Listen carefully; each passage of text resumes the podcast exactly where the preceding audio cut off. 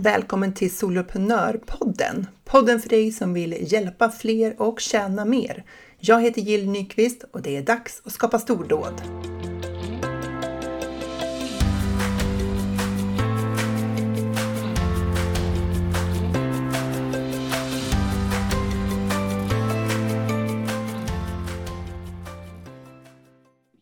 Idag har jag med mig en av mina medlemmar i Soloprenörerna. Det är Jenny Kay som är time management coach. Och hon kommer att prata om hur man liksom hanterar det här med sin egen tid. Och jag tänker att det är ju verkligen ett ämne som är relevant för väldigt många av oss som har lite svårt att få till det där med eh, balansen och eh, tempot i jobbet. Varmt välkommen till Soloprenörpodden Jenny. Tack så jättemycket. Jättekul Innan vi kastar Ja, innan vi kastar oss in i det här väldigt intressanta området, tänker jag att jag kommer lära mig mycket det här samtalet. Så får du berätta vad du gör och vilka du hjälper. Mm.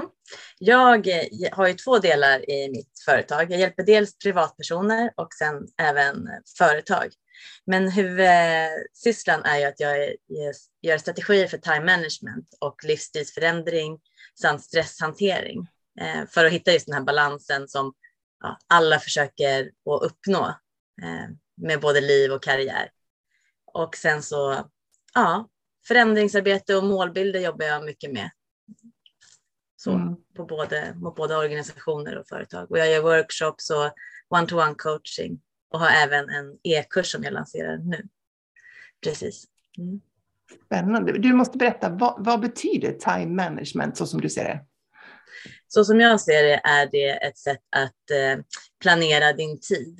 Dels så har jag att man planerar i olika kategorier eh, så att allting blir tydligt för en själv så att man ser det eh, som ett helikopterperspektiv kan man säga.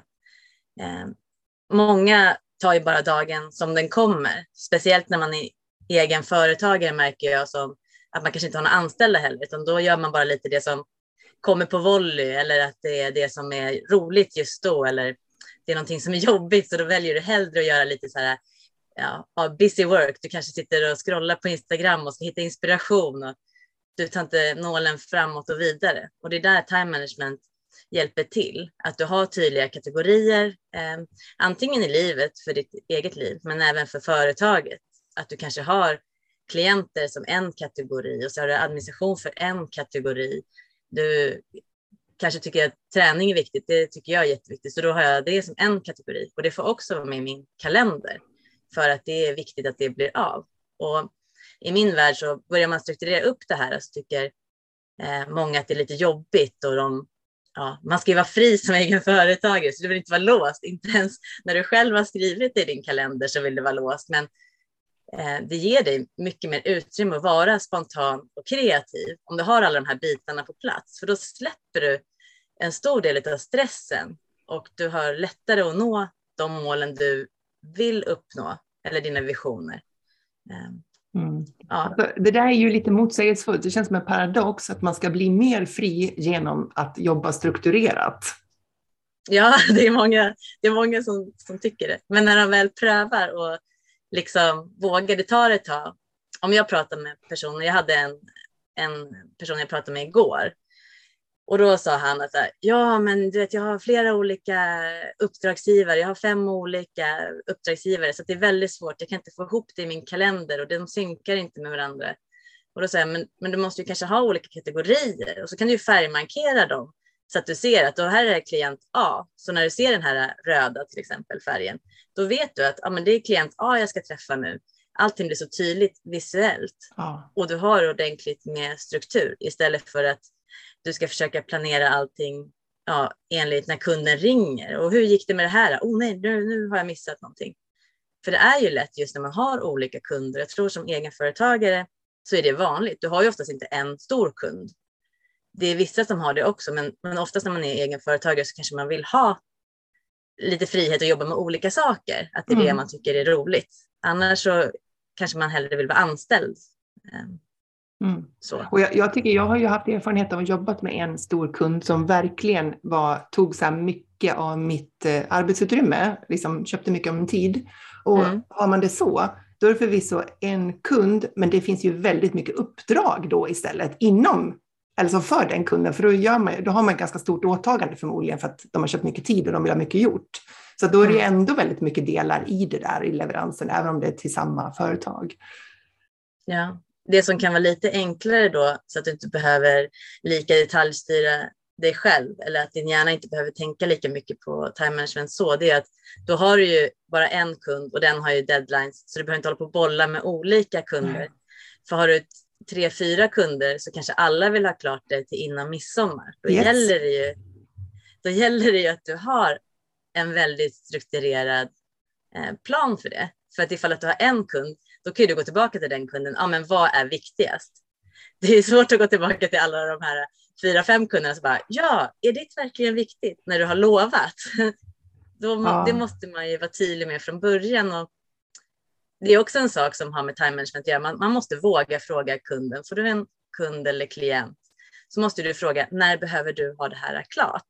Mm. Istället för att skjuta sig själv i foten som många drivna entreprenörer vill göra. Att de säger ja men du får det nästa vecka på fredag. Eller jag ordnar det här till dig till imorgon. Och så bara, när du har lagt på så bara, varför sa jag så? Kunden ja. kanske behöver om en månad till sitt styrelsemöte och då sitter du och jobbar häcken av dig idag för att du ska leverera det imorgon och kunden behöver inte ens det.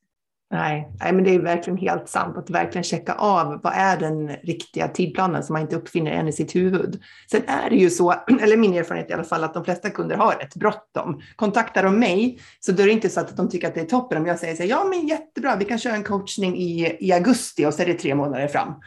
Eh, mm. Men man ska ju inte sitta och jobba hjärnet för någonting som verkligen inte är bråttom. Så, så det är ju jätteviktigt att stämma av det så att man eh, vet vad man fattar beslut utifrån. Men vad skulle du säga är det liksom största problemet för dem du hjälper? Om man tänker företagare då.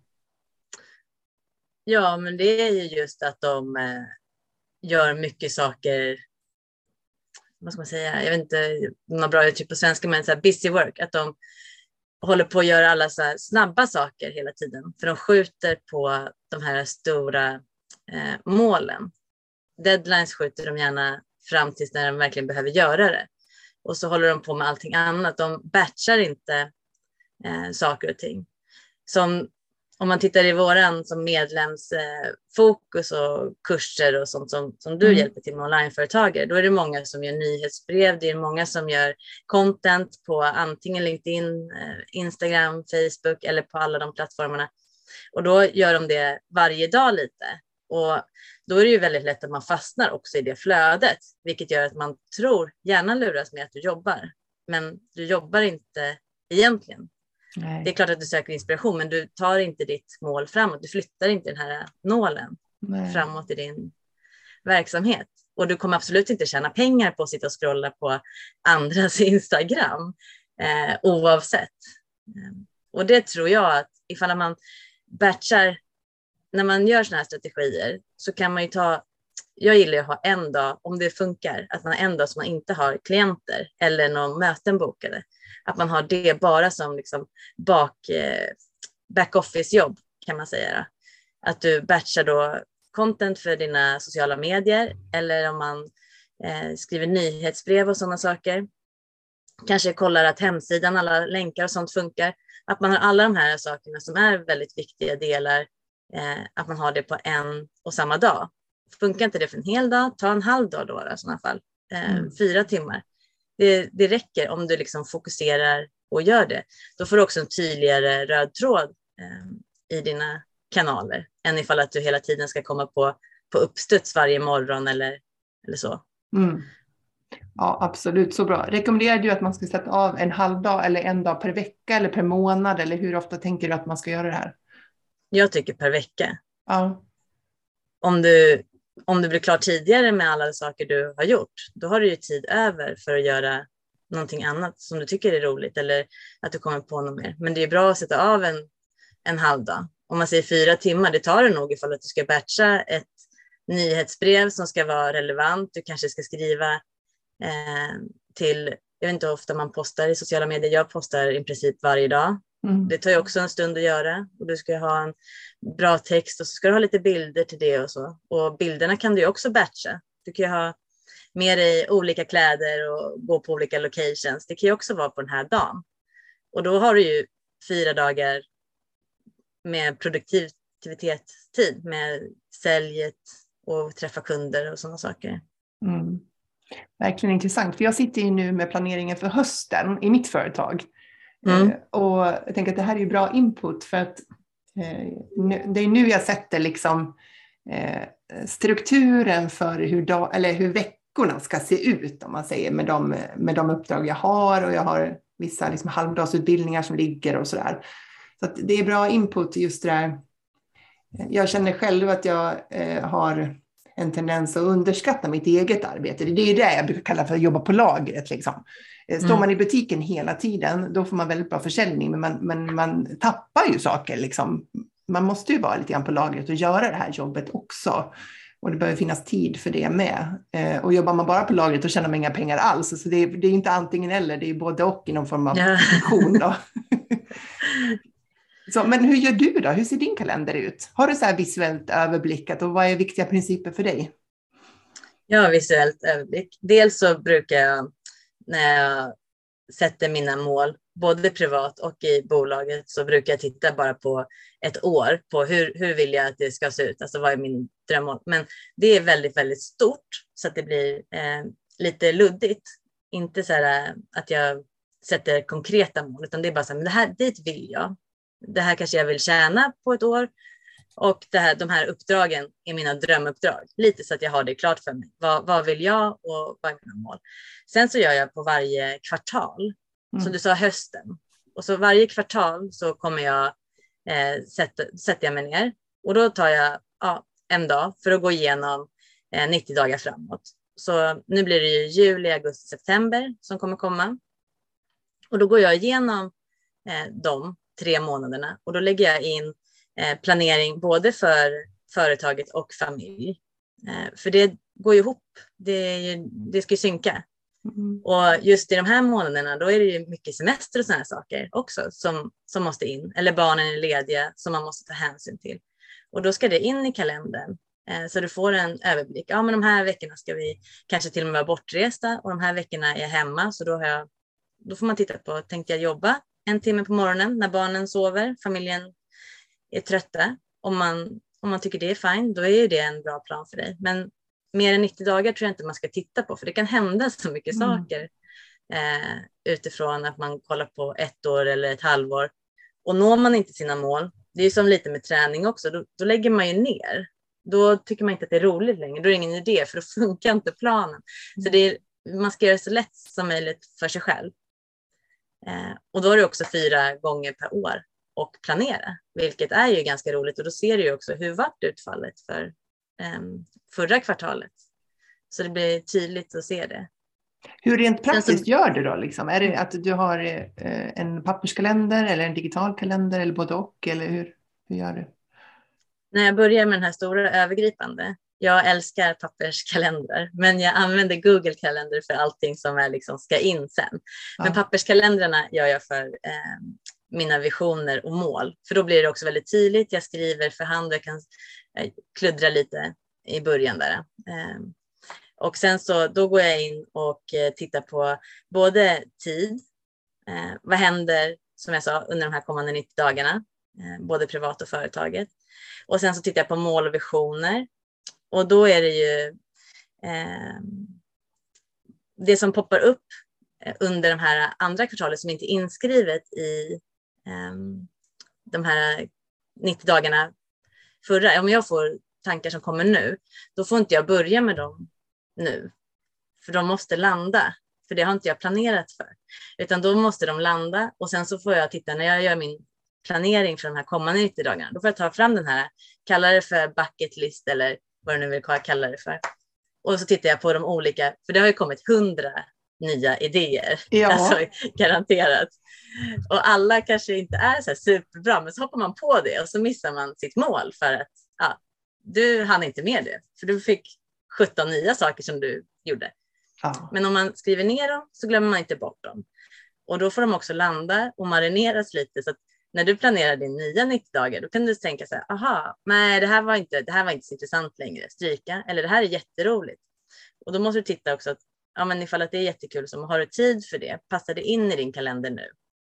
Till exempel under sommaren, om du inte har så mycket tid, då kanske du inte ska ha eh, lansera någonting nytt just det, det kvartalet, för det känns lite orimligt.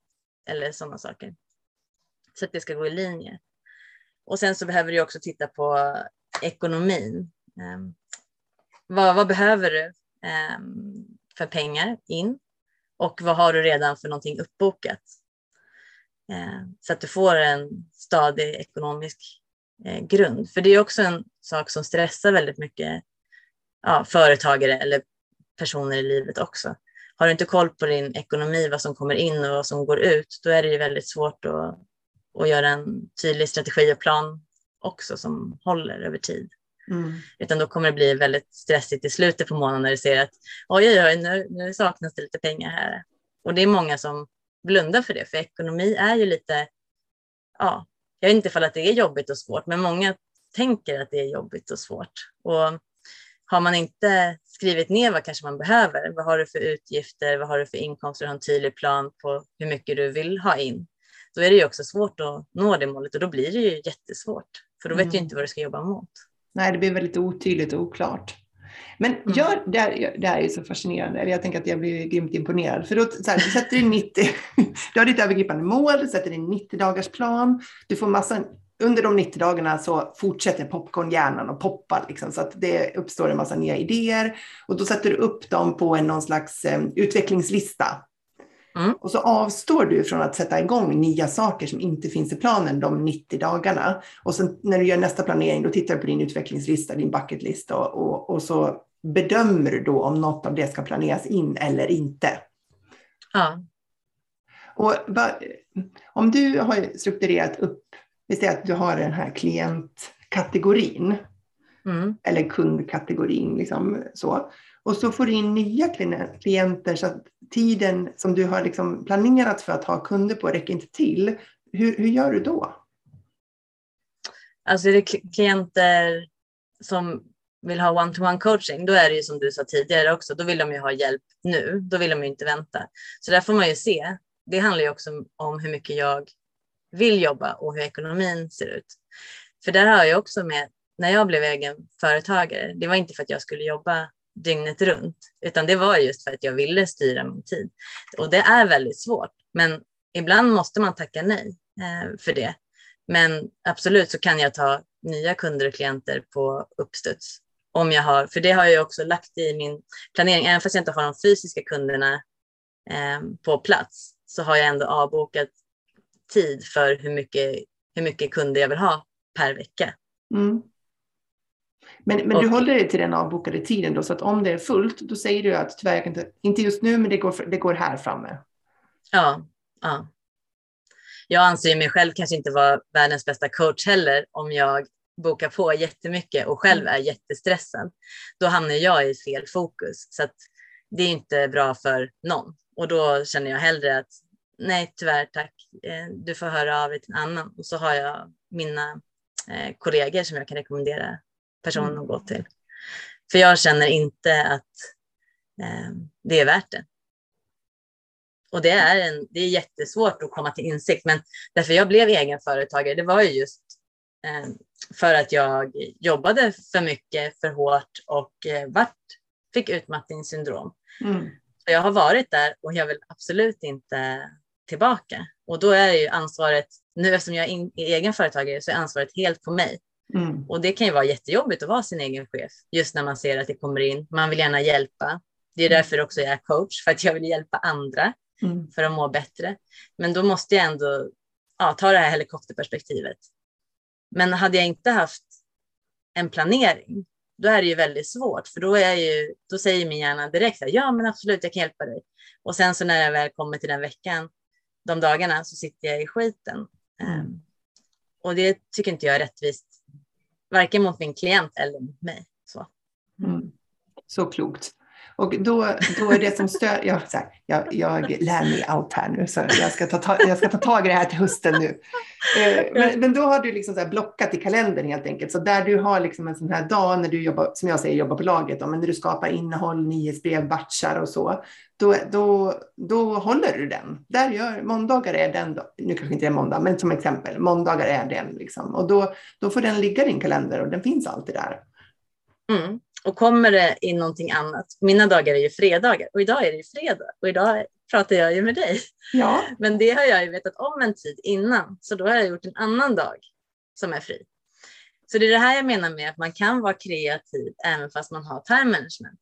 Och det är ju som sagt jag, jag själv som sköter mitt schema och du sköter ju ditt schema. Så om du, även, om du blockar av en dag det är ju skit samma ifall det är måndag, tisdag, onsdag, torsdag, Absolut. fredag. Ja. Och det kan vara olika för varje vecka beroende på klientuppdrag. Det är klart, skulle jag, ha en, skulle jag få in en konferens, en workshop eh, på fredag, då bara, kan inte jag säga nej, nej, alltså jag sitter och jobbar lite backoffice då, så jag kan inte göra det. Kan ni flytta den till på en onsdag? Nej, då bollar jag ju om. Men ja. sådana saker vet man ju i förtid. Det är som den här eh, podcastinspelningen också. Den visst, har jag vetat länge. Eh, mm. Så då har jag ju lagt lagt om mitt schema för den här veckan. Mm. Och det är det jag menar med, har man strukturen på plats så kan man ju vara kreativ och du kan ju flytta om och ingenting är skrivet i sten. Mm. De som du hjälper, vad, vad, eh, de kommer till dig för att de, de har för mycket liksom, och de har svårt att få struktur antar jag och få, sak, mm. ja, få tiden att räcka till. Eh, och du, du, hjäl, alltså, du berättar om den här systematiken för dem och ger dem liksom, de här verktygen och metoderna. Vad, vad är det som ställer till mest hinder för dem själva från att lyckas följa den här strukturen? Som du upplever det? Eh, dels är det väl att de är överväldigade för att de har mycket saker att göra och de har svårt att prioritera. För då har de kommit in lite i det här stressmodet redan. Så de har svårt. Det är mycket som eh, pockar på, till exempel. Det är jättevanligt med företag, för jag hjälper även individer i större organisationer som som man märker att de har lite problem att komma framåt eller känner stressnivå, nära till utmattning kanske, sådana saker. Och då kanske det funkar för kollegan, men det funkar inte för den personen. Men det kan ju vara så enkla medel som att de alltid är mejlen uppe. Så fort de ser ett mejl så känner de att de behöver svara på en gång. Det var ju supervanligt eh, nu när det var corona, alla jobbade hemifrån. Fick de ett mejl av chefen så behövde de ju svara på två sekunder, för annars var de rädda att, att chefen skulle tro att de inte jobbade. Ja, just vilket det, man gör... vid datorn och liksom så här, var beredd jämt. Precis, ah. vilket är ju en jättejobbig mentalitet. Om man hela tiden ska vara tillgänglig på två sekunder, då blir det ett avbrott och då tar det ett tag för, för en att komma tillbaka till det här superfokus.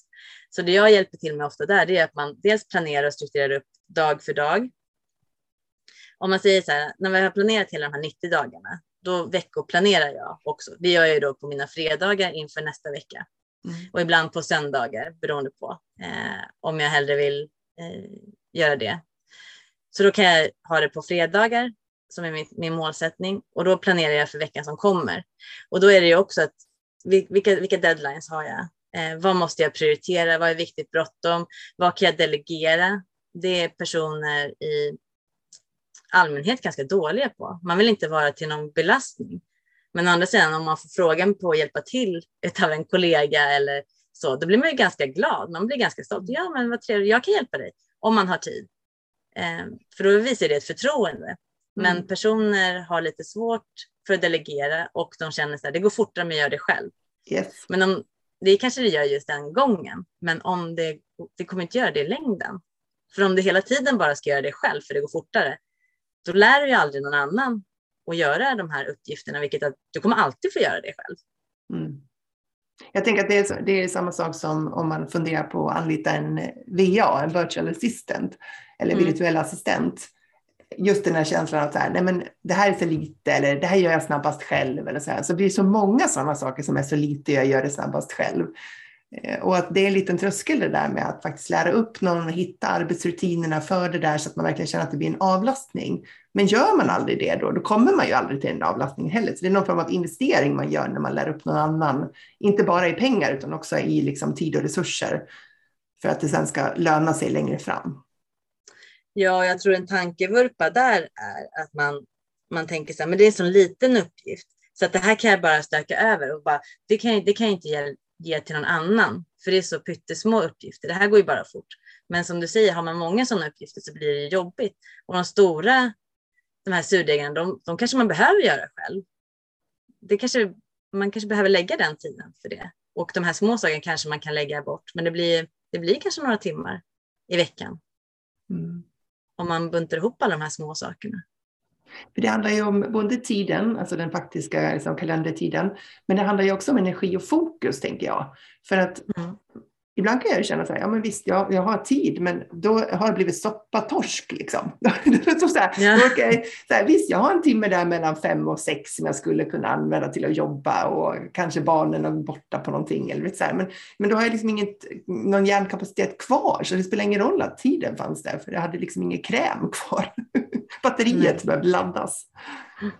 Och ger man bort de här lite enklare uppgifterna så man får lite mer tid, då kanske du har tid att ta en till en klient eller en kund istället så tjänar du ju mera pengar, betydligt mer pengar än vad det kostar att ta in en VA mm. eller, eller någon annan som kan hjälpa till. Eller för man vill anställa någon på bara några timmar. Det kan man ju också göra. Man behöver inte ta någon helt extern. Man kan ju faktiskt ta en som man anställer på, på några timmar i veckan också. Mm. Absolut. Vad skulle du säga att de vanligaste tidstjuvarna är då? Ja, men det är nog mejl. Mejl, ja. Ja, jag tror det. Och, eh, och eh, sociala medier. För där är också väldigt många som har notiser. Då blir det lite som att både mejlen och sociala medier styr din tid istället för att du styr när du ska gå in och kika. Mm. Så jag har inte på notiser och sådana saker, utan jag går in aktivt och tittar. Och så har jag också satt tidsgräns. För det är det här också med det här scrollandet. På Instagram och det kan du ju säga hur lång tid du vill att du ska få vara där. Och sen så kommer det upp en pop-up-skärm.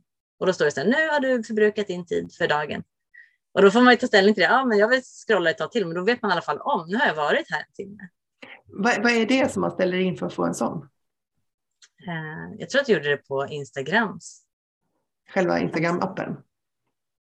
Ja, jag tror det. Eller ifall det var på inställningar i iPhone. Jag får mm. återkomma med det. Ja, det spelar ingen roll. Jag blev bara nyfiken när du nämnde det. För jag tänker att om man Eh, om man har en förmåga att fastna där så kan det verkligen vara bra att få en sån fråga, liksom, så att man aktivt, för då kanske man inser när man får den där frågan att så här, nej, jag behöver inte mer tid för jag gör ingenting nu. Eh, nej. Och jag kan känna också och där bestämmer man. Ja, där bestämmer man ju också tiden själv. Så att vill ja. du ha två timmar, tre timmar, om du jobbar, du kanske jobbar med sociala medier, då behöver du ha en längre tid. Men just om jag som kanske inte jobbar aktivt med sociala medier, det är inte mitt profession, Nej. då behöver jag inte ha så lång tid. Nej, precis. För att jag tänker så här, om jag vill, jag som, sitter, jag som jobbar online, i princip nästan hela min business online, det är väldigt sällan som jag är liksom på plats hos någon kund. Det händer, men det är inte så ofta. Eh, om jag vill ha återhämtning så är det så himla sjukt osmart att använda Instagram eller Facebook-scrollning som återhämtning. Vad jag verkligen behöver det är att stänga ner skärmen och bara gå ut, liksom andas och röra på mig. Och så här. Det till och med hänga tvätt är bättre än att sitta och slöskrolla på Instagram. Liksom. Så det är en bra grej. För att ibland så, det är så lätt att, det är så liksom så här, in, vad heter det, ögonblickligen belönande det där med liksom att sitta, det är så enkel underhållning eller så där, så det är lätt att hamna där. Det är jätteviktigt som du säger, för hjärnan kan inte skilja på det, för det sitter vid en skärm i datan. Om du bara byter skärm till telefonen, då kan inte hjärnan koppla att det är avslappning helt plötsligt. Utan hjärnan är fortfarande i sitt här working mode mm. när den går in i en ny skärm. Så det är jätteviktigt som du säger att man tar pauser. Eh, och, sånt. och har man svårt att ta pauser då finns det ju eh, appar och sånt för det också. Att man kan jobba i block, att man jobbar de här eh, pomodoro-metoden, att man jobbar 25 minuter, tar fem minuters rast och då ska man också gärna upp och stå, göra någonting hämta vatten eller vad som helst. Och sen så jobbar man vidare och så gör man det i några block och sen tar man en längre rast. Och då plingar det ju till hela tiden och då får man ju också det här att man är uppe och rör sig. För det är också en sak att man sitter så superfokus och jobbar hela tiden. Så glömmer man helt plötsligt att äta lunch och man glömmer att ta raster och man ja, slutar först jobba kanske när familjen kommer hem om man är som egenföretagare jobbar hemifrån. Mm. Och det är inte hållbart i längden. Nej, det är inte det. Jag har faktiskt märkt det. Jag är dålig på att lägga in raster generellt. Men när jag har mina halvdagsutbildningar eller heldagsutbildningar så lägger jag in tio minuter varje timme för deltagarnas skull. Ja. ja eh, och eh, då kör vi alltid tio minuter. Eh, och då passar jag på att gå ut med hundarna eller så här, dricka vatten eller springa ner och, och du vet, så här, fixa någonting med tvätten. Eller, så här, jag går alltid ifrån datorn då. Mm. Och då, då inser jag ju ändå att det är inte så himla tokigt. Eh, det är inte så fel, liksom. även om jag bara är ute typ sex minuter med hundarna så är det ändå frisk luft, det är lite annan vy, man får liksom titta på träd och någonting som är lite längre bort än bara skärmen som är precis här framför. Och det fyller mm. på med lite energi för mig som kursledare också. Eh, så jag inser nu när jag säger det högt att det är en bra grej att lägga in även övriga tiden av dagen. De här korta ja. pauserna. Ja, det tror jag också är viktigt med, eh, speciellt ifall att man inte kommer upp. Och det är ju svårt när man är fokuserad på en uppgift. Men det är också att du hämtar ny energi så blir det ju effektivare sen. Det är det många tänker också lite att det blir tankevurpa. Man tänker att man ska jobba så fokus. Så jobbar jag tre timmar bara stenhårt med det. Men du tappar ju energi. Du är inte lika effektiv under så lång tid. Så att då är det ju bra att gå iväg, ja, som du säger, bara göra någonting. Hämta vatten eller vad som helst och sen så kommer man tillbaka, då får du ytterligare fokus och kanske har fått några idéer på vägen och, och sådana saker. Mm. Vilket är egentligen en fördel mot en nackdel, men man sitter gärna kvar för det finns ju ingenting som säger till en. Om man jobbar på en större arbetsplats då är det oftast kanske andra som är i rörelse och det är nio fika och det är, nu är det lunch och då ser man ju att folk börjar röra sig i korridorerna. Då får man ju en påminnelse, men när man sitter själv då får du inte det. Nej. Så det blir väldigt mycket eget ansvar väldigt mycket eget ansvar hela vägen. Vilket vi ju vill ha, för vi vill ha friheten att bestämma själva, men vi fattar inte alltid mm. de klokaste besluten för oss själva. Eh, vi pratade om det innan, precis när vi slog på rekordknappen, det här med att när man har väldigt fullt upp så kan man mm. fortfarande komma på sig att vara den första som räcker upp handen när någon frågar om, om liksom, är någon som kan hjälpa till med den här saken. Eh, mm. och, eh, och det kan ju vara någonting så här barnens Eh, Eh, fritidsintressen eller någonting, det är någon insamling som ska göras eller det är någonting som ska bakas eller ja, det är några extra uppgifter som ska göras. Hur, eh, hur, kommer det sig att vi gör det? Borde man inte liksom, vet, verkligen sitta på händerna när man har fullt upp redan? Jo, man borde ju det, men ja, vid stressade situationer så gör man ju lite tokiga kompensationsbeteenden kan man säga. Man, man har inte riktigt ron i kroppen, för du är så uppe i puls och så mycket uppe i varv och har så mycket i ditt huvud. Så när någon frågar på föräldramötet, vem kan vara ansvarig för den här festen? Och så räcker ingen upp handen. Då blir man själv lite stressad för att ingen hjälper till och så räcker man upp handen. Och så står man där och så har man jättemycket att göra för man får inte oftast så mycket hjälp runt omkring. Eller ifall att det är någon ja, bostadsrättsförening eller sådana saker som vi behöver ha någon ny ordförande. Och så tycker man så här, ja, ja, men det kan jag göra. Det går, men det är inte, det är inte superhärligt heller, för det är inte en bostadsrättsförening som inte har problem. Alltså, så, samfällighetsförening, alla tycker och tänker, du får ju hundra gånger mer saker att göra än vad du hade tänkt dig. Ja. Så det där är ju just i stresssituationer så tar man oftast på sig mer. Det är samma sak med eh, ansvarsgrejer också, eller för kunder kommer eller att kollegan frågar, kan du hjälpa mig med det här? Om man inte har tillräckligt tydlig struktur och har skrivit ner vad det, vilka tider man faktiskt har över, då är det så lätt att säga ja, ja, det kan jag hjälpa dig med. Eh, men sen så kanske man inte kan det sen i alla fall, för man, man har inte den tiden. Så därför är det jätteviktigt att man liksom har det ja, tydligt uppstrukturerat framför sig. Och att man har den här eh, kanske utskriven sen när du väl har planerat hela dina 90 dagar, kvartalet. Att du verkligen skriver ut det så du får en påminnelse på hur mycket du har att göra eller lite du har att göra. Mm, verkligen. Du, om vi skulle liksom sammanfatta lite grann och bara koka ner det till, om någon lyssnar på det här och känner att eh, jag tror att jag känner igen mig i behovet av bättre time management. Vad tycker du att man ska börja då? Vad är det första steget? Eh, ja, jag tycker ju att man ska göra, alla har ju en typ av digital kalender mest troligt. Så då skulle jag göra olika kal eh, kalenderkategorier. Så du behöver bara ha en och samma kalender, men du gör olika kategorier och färgmarkerar dem. Eh, det räcker med kanske fyra i början så att du inte har supermånga. Eh, men även att du har en av dem är privat kalender så att du får en egen färg för det privata. För ibland så är det att du behöver gå till tandläkaren och sådana saker som hamnar i din arbetstid och det måste det vara tydligt också så att det inte är att du dubbelbokar det och sådana saker. Men det skulle jag göra, eh, skapa olika eh, kategorier och färgmarkera dem. Och sen så att du, att du kanske gör också med tidsberäkning. För det är också en lätt um, tankevurpa. Man tänker att det här tar inte så lång tid. Och sen så när man väl har gjort klart det så tar det längre tid än, än vad man hade tänkt sig den här gången också. Mm. Så att det bästa kan vara att man går igenom en vecka. Att du börjar kanske på måndag och ser, ja, gör en tids, eh, tidskalkyl för allting du gör. Så du får en, en tydlighet över en veckas tid. Okej, men hur lång tid tog det här och hur lång tid tog det här? Och då vet du också vad du gör av med din tid. Då blir det ju supertydligt om du, om du sätter, ja men nu två timmar höll jag på med det här äh, veckobrevet eller fast du tror att det bara tar en halvtimme. Mm. Om du är inställd på att det tar en halvtimme och så tar det två timmar varje, varje gång du gör det, då har du ju förlorat en och en halv timme. Um, och då är det klart att det blir stressigt. Mm. Så det tror jag också är jätteviktigt precis i början, att man verkligen att du tar dig tid för att undersöka hur, lång, hur, hur, mycket, hur mycket tid behöver jag för varje uppgift. Mm. Genom att klocka sig själv, liksom ha lite koll på hur länge sitter jag egentligen med det här nyhetsbrevet eller det här inlägget eller den här kundleveransen eller bokföringen, Precis. faktureringen. Ja, det finns ju en uppsjö av eh, Eh, saker. Men vad, vad skulle du säga om det första steget var att man skulle skapa de här kategorierna? Vad, om jag ska börja med fyra, vad kan fyra lämpliga kategorier vara om jag är företagare? Du har nämnt privat ska vara med. Mm. Eh, kunder och klienter, det är ju en kategori. Och mm. sen så tycker jag administration mm. ska vara med.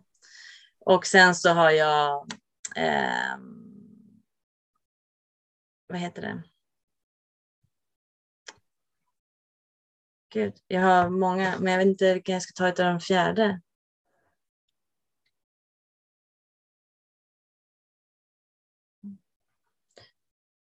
Ja, kanske möten, nätverk.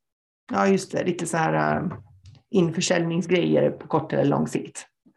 Ja, precis. Mm. För jag har, jag har flera, men det är, jag tror att det blir lite jobbigt att ha så många från början. Så jag tror att det är de som är de bästa att ha, ha från början.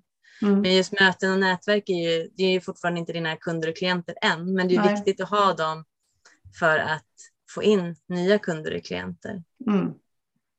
Mm. Precis. Ja, men om man fyra och börjar där med så eh, kan det vara en start. Och jag tänker att det är en bra sak just det med att sätta olika färger på dem och, och blocka i kalendern för att eh, det, det gör någonting, det här visuella överblicken, tycker jag. Eh, det blir mm. väldigt skönt och det känns på en gång redan väldigt mycket mer organiserat när man ser det framför sig jämfört med om man har allting i huvudet bara. Mm. Sen så brukar jag också göra, för det, det som också många egna, egna företagare tummar på och personer i allmänhet tror jag som är stressade, som jag märker att det de tar bort först, det är sin egen träning och sin egen sömn. Mm. Så även det kan ju vara bra att ha en typ av plan på. Ehm, att hur mycket behöver jag sova för att må bra och fungera? Och när vill jag träna? Mm. Så de två sakerna, ifall man vill ha fler kategorier, så kan de två sakerna vara bra att ha, ha inlagda också för att mm. de ska bli av. Just det. Om man har svårt att få till träningen så ser man till att den är schemalagd. Precis. Mm. Mm. Ja, men jättebra Jenny, superintressanta tips. Jag är så glad att jag pratar med dig här nu på en fredag. Eh, och eh, inför inför, nu är vi i sommaren, så inför höstens planering så är det här verkligen någonting för oss alla soloföretagare att ta med oss. Men om man nu känner att man inte riktigt kanske kommer fixa det här på egen hand och man kanske vill ha lite kontakt med dig, vart, vart kan man hitta dig? Eh, antingen på min hemsida minova.se eller så finns jag på LinkedIn eh, och så finns jag ju på Instagram som minova coaching. Just det. Och Minova, hur stavas det? M-I-N-O-W-A. Precis. Man får rätt W där. Ja.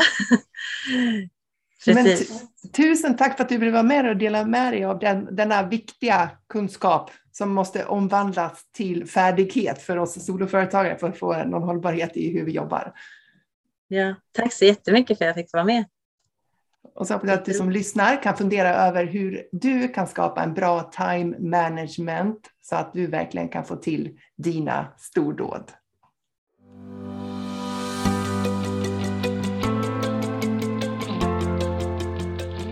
Stort tack för att du lyssnar på Soloprenörpodden. Jag är så glad att ha dig här. Du får jättegärna lämna mig en review på iTunes och ratea podden. Ge den fem stjärnor om du tycker att den är värd det, så hjälper du mig att sprida den till fler. Eller varför inte ta en skärmdump på det här avsnittet och tagga mig på en story på Instagram, solopreneur.nu.